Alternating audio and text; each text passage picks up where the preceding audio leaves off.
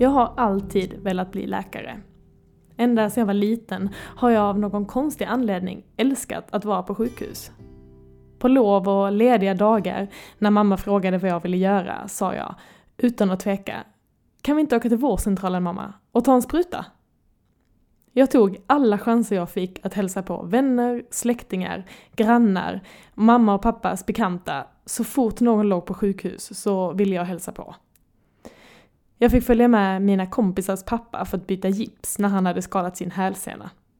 Jag stod med munnen halvöppen och slet inte blicken från sågen, vadden och gipset. Och jag tänkte att en dag vill jag också få lov att göra det där. Jag tror nästan att en gång när jag var liten och hade ont i magen och jag fick stanna över på sjukhuset så var det lika mycket för att observera magontet som att faktiskt få mätta lite av mitt omåttligt behov av att få se hur allt funkade där på andra sidan. Jag kan nog inte sätta fingret på vad det var, men det var något i sjukhusmiljön som gjorde mig lugn. Något som gav mig kontakt med livet. Något som gjorde att jag fick kontakt med något större. Närvaron. Det äkta i mötena. För där i sjukhusbubblan är ju faktiskt alla lika. Där är det nuet som är viktigt, inget annat. Det finns ingen bullshit. Det handlar om smärta, glädje, hopp, förtvivlan och farväl.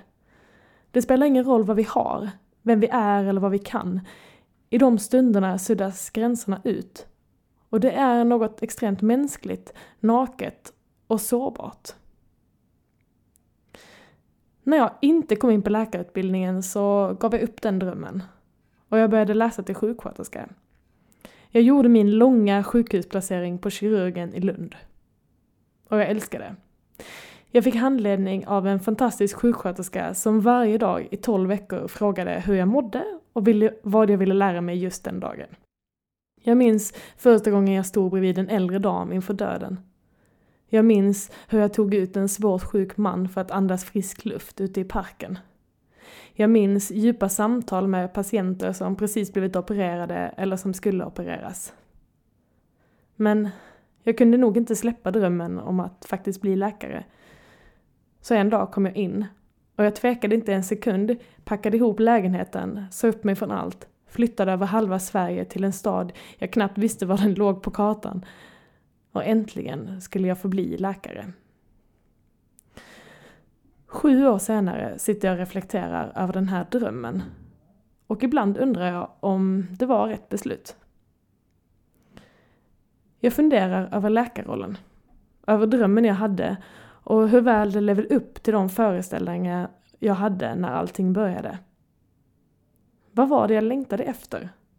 Och varför känns det ibland som att någonting fattas? När förlorade jag kontakten med det som var kärnan för mig från början? Jag minns lite av en besvikelse under min första vårdcentralsplacering.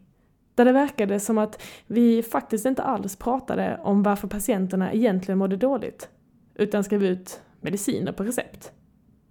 Jag minns chocken, min första sjukhusplacering, där jag och en medstudent blev inkastade i ett undersökningsrum där man var mitt uppe i en integritetsöverskridande undersökning utan att ha frågat varken oss eller patienten om lov. Jag minns så många samtal jag bevittnat där kommunikationen inte gått fram. Där missförstånd uppstått. Tårarna i mina ögon när jag skulle skriva hem en äldre dam som blivit opererad för en misstänkt bukinfektion på svag indikation men fortfarande hade ont i magen när hon skulle gå hem för hon kände sig sådär ensam nu när hennes make hade gått bort. Jag minns ilskan som uppstod i mig på ronden när sex läkare stod runt om en patient och diskuterade om vilket antibiotika vi skulle byta till. Om vi skulle byta idag eller imorgon. När det enda patienten undrade var om han kunde få gå på permission, för han ville så gärna träffa sin hund. Jag minns hugget i hjärtat när arbetsklimatet på läkarmötet är hårt och omänskligt och man pratar om människor som om de vore diagnoskoder. Jag känner osäkerheten som bor i mig för att jag har tvingats låtsas för att jag varken har fått ordentlig handledning eller blivit examinerad på rätt sätt. Jag minns morgonronderna jag zonat ut för jag tycker vi pratar och pratar och pratar men aldrig kommer till kärnan av det som är viktigt, egentligen. Och jag minns när jag bröt ihop efter att jag varit med och bevittnat ett hjärtstopp för första gången. Jag satte mig på toaletten i kulverten och grät en stund, innan jag bet ihop och tog nästa patient. Jag gick hem och undrade vad det var för fel på mig. Hur hjärtat slutits bit för bit. Hur jag lagt på mig en mask. För att inte vara så himla mänsklig hela tiden. För att vara mänsklig, det gör bara ont. Det växer en frustration över hur enkelt det är att få svar på frågan vilket läkemedel och vilken dos vi ska använda, men hur omöjligt det verkar vara att få svar på frågan hur i hela friden blir jag en bra läkare? Jag hälsar på min nära vän som precis börjat plugga till barnmorska och vi pratar om förlossningarna hon varit med om. Närvaron som skapas i rummet och hon får vara med och assistera och guida. Det lyser i hennes ögon. Hon visar sina utvärderingar hon har fått av sin handledare. Utförliga utvärderingar av hennes bemötande, förmåga att skapa trygghet, närvaro och tillit. Det gör lite ont i mig. För jag blir avundsjuk, fast jag inte vill. Jag vet att jag har bevittnat många överväldigande situationer, lämnat svåra besked. Men aldrig med den närvaron. Aldrig har min inkännande förmåga, eller min kontakt med patienten, eller mitt sätt att kommunicera bedömts med annat än en siffra på en 1-5-gradig skala. Aldrig har vi fått reflektera över de här egenskaperna och kvaliteterna.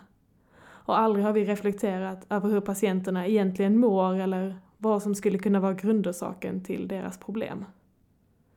Jag har blivit gulligt bortförklarad, fått ett leende till svar och en kommentar. Det är inte en läkares jobb. Är det inte? Ibland känns det som vi skolas in i att inte känna att improvisera det vi inte kan och fokusera på medicinska fakta. Bara medicinska fakta. Det vi kan mäta och det vi kan se. Men inte det där andra. Och jag undrar, borde inte omvårdnaden, helhetstänket, mänskligheten vara en lika självklar roll i läkaryrket som det är i omvårdnadsyrkena? När på vägen försvann det? Det var något jag kände på yogamattan som jag inte kände på vårdcentralen. Det var något i blicken hos yogadeltagarna som jag sällan ser i blicken hos patienter eller kollegor. Det var något helande, något läkande, något friskt. Något som hände i yogasalen som fick mig att gå tillbaka dit, igen och igen och igen. Men något som är svårt att sätta ord på. Jag ser det nu, kontakten, närheten med livet. Kalla det spiritualitet, andlighet, gud eller vad du vill. Men jag kallar det liv. Jag har en stark tro att det vi inte kan förklara i ord, det kan vi förkroppsliga. Det händer i dansen. Det händer i yogan. Det händer i den ordlösa kommunikationen. När vi ser varandra. När vi får kontakt med oss själva och vår kropp när vi är närvarande. För där, just i nuet, där finns inga sådana problem. Det kan finnas smärta och sorg, men det finns inget lidande. I nuet finns acceptans, oavsett vad som uppstår. Nuet är viktigt. Oro och ångest skapas i ältande om dåtiden eller oro för framtiden, men i nuet finns bara närvaro. I nuet finns kärlek. Det finns acceptans. Och det är i nuet vi kan mötas, ingen annanstans. I nuet finns en avslappning. I dåtiden finns spänning och i framtiden förväntan. Om vi inte är här är vi på väg. På gång. Här är vi inte på väg någonstans. Och jag tror att det är här vi kan läka. Men oavsett hur mycket tuffare det här arbetet var än jag någonsin trodde det skulle bli, så skulle jag nog inte vilja lämna det. Och jag skulle definitivt inte vilja göra min läkarutbildning ogjord. Fick jag välja om så skulle jag välja samma bana, utan att tveka. För det är fortfarande så otroligt mycket med läkaryrket, medicinen, mötena och sjukhusmiljön som fascinerar mig. Till skillnad från många andra yrkeskategorier så är det förvånansvärt många som sökt sig till sjukhusvården på grund av ett kall.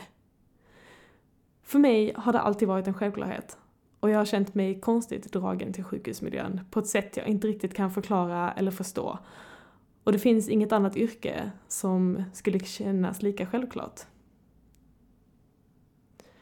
Och det är klart, att ge sig in på ett yrke som kräver att faktiskt jobba dag och natt, obekväma tider, i ett system som aldrig vilar, dag efter dag ge av sig själv och ta ansvar för andra människors sårbarhet och liv.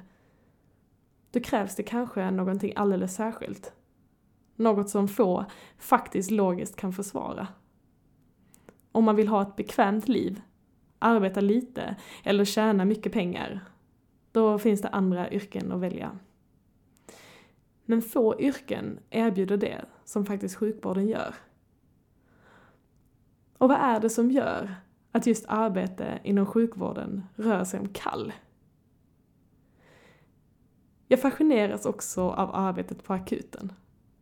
Som AT-läkare hoppar vi runt, avverkar en placering efter en annan. Så fort vi blivit lite varma i kläderna på en klinik så är det dags för nästa. Nya kollegor, nya rutiner. Nya lokaler, nytt allting. Och det är inte bara vi AT-läkare som är i omlopp, utan också studenter, randande ST-läkare med flera. Det är inte ovanligt att under en veckas tid byta ut alla sina kollegor tre gånger om. Och trots att det ibland kan kännas som vi inte fyller någon mer personlig funktion än att utgöra en rad på ett schema, så är det samtidigt otroligt fascinerande hur ett sådant system kan fungera. Hur alla inblandade, trots allt, hittar sin roll och vet precis vad var och en ska göra. Och hur. Vem vi ska ringa. Och när. Vi följer rutinerna och riktlinjerna och när saker och ting behöver gå fort så gör de banne mig det. På akutrummet spelar det ingen roll vad vi heter eller var vi kommer ifrån. Om vi känner varandra eller inte. När det handlar om att rädda liv så gör vi det. Tack vare att alla vet precis vad som ska hända. Man blir en liten, liten del av något väldigt stort. Och det är ganska otroligt vad vi tillsammans kan manifestera då. Vi skapar magi. Vi räddar trots allt liv. Tillsammans. Tack vare att vi jobbar tillsammans. Ishvara Pranidaha. Och tacksamheten över att faktiskt ha ett yrke som varje dag sätter en i kontakt med det. Påminner oss om den lilla, lilla rollen vi har i den stora, stora, stora helheten. Också alla dessa möten. Sårbarheten vi får hålla och förtroendet vi får. Små, stora problem och stora, små problem. Tonårsdepression, hemlängtan, ledvärk, sårskada, livskris, bröstsmärta, magont, ålderdom och njurstenar skratten och gråten. Allt detta liv. Livet i alla dess olika former. Och när jag låter det sjunka in så väcks en djupare mening. Det som faktiskt fick mig att börja den här resan för nu ganska många år sedan. Hjärtat må ha slutit sig på vägen då och då av och till. Men det är väl inte för sent att faktiskt öppna det nu. Och jag avslutar med att återigen läsa den text som jag delade på min Instagram en natt i höstas på väg hem från ett jourpass på psyk. Med en eloge till alla som arbetar inom hälso och sjukvården. Och en påminnelse till mig själv. Och till alla andra som behöver det just nu. Cum amore vita. Med kärlek för livet orden som pappa lät graveras in på mitt första, alldeles egna stetoskop, då jag precis börjat termin två på läkarprogrammet. Lyckligt ovetandes om hur tufft det här yrket skulle bli. Vägen hit. Då, när jag fortfarande trodde jag höll på att bli stor. Lyckligt ovetandes om hur liten jag skulle komma att känna mig. Igen. Och igen. Och igen. Maktlösheten svåra beslut, hjärtskärande möten, sena nätter, trötta nätter, väldigt trötta nätter. Livsöden, misär, orättvisor. Stunderna man bara vill hoppa in, stanna tiden och ställa allt till rätta. Allt man vill fixa fast man inte kan. All kunskap som känns oövervinnerlig. Litenheten. Och alla kramar jag skulle vilja ge. Alla jag skulle vilja ta hem till mitt hus och pyssla om. Redskapen jag önskar att jag hade. Men också kärleken. Och jag påminner mig om varför jag gör det. Med kärlek för livet. Livet i alla dess former. Jag lyssnar på deras hjärtan, men framförallt på deras historier. Jag gör mitt bästa. En dag i taget. Ett möte i taget. En sak i taget. Och hela tiden med det i bakhuvudet. Pappas ord. Med kärlek för livet.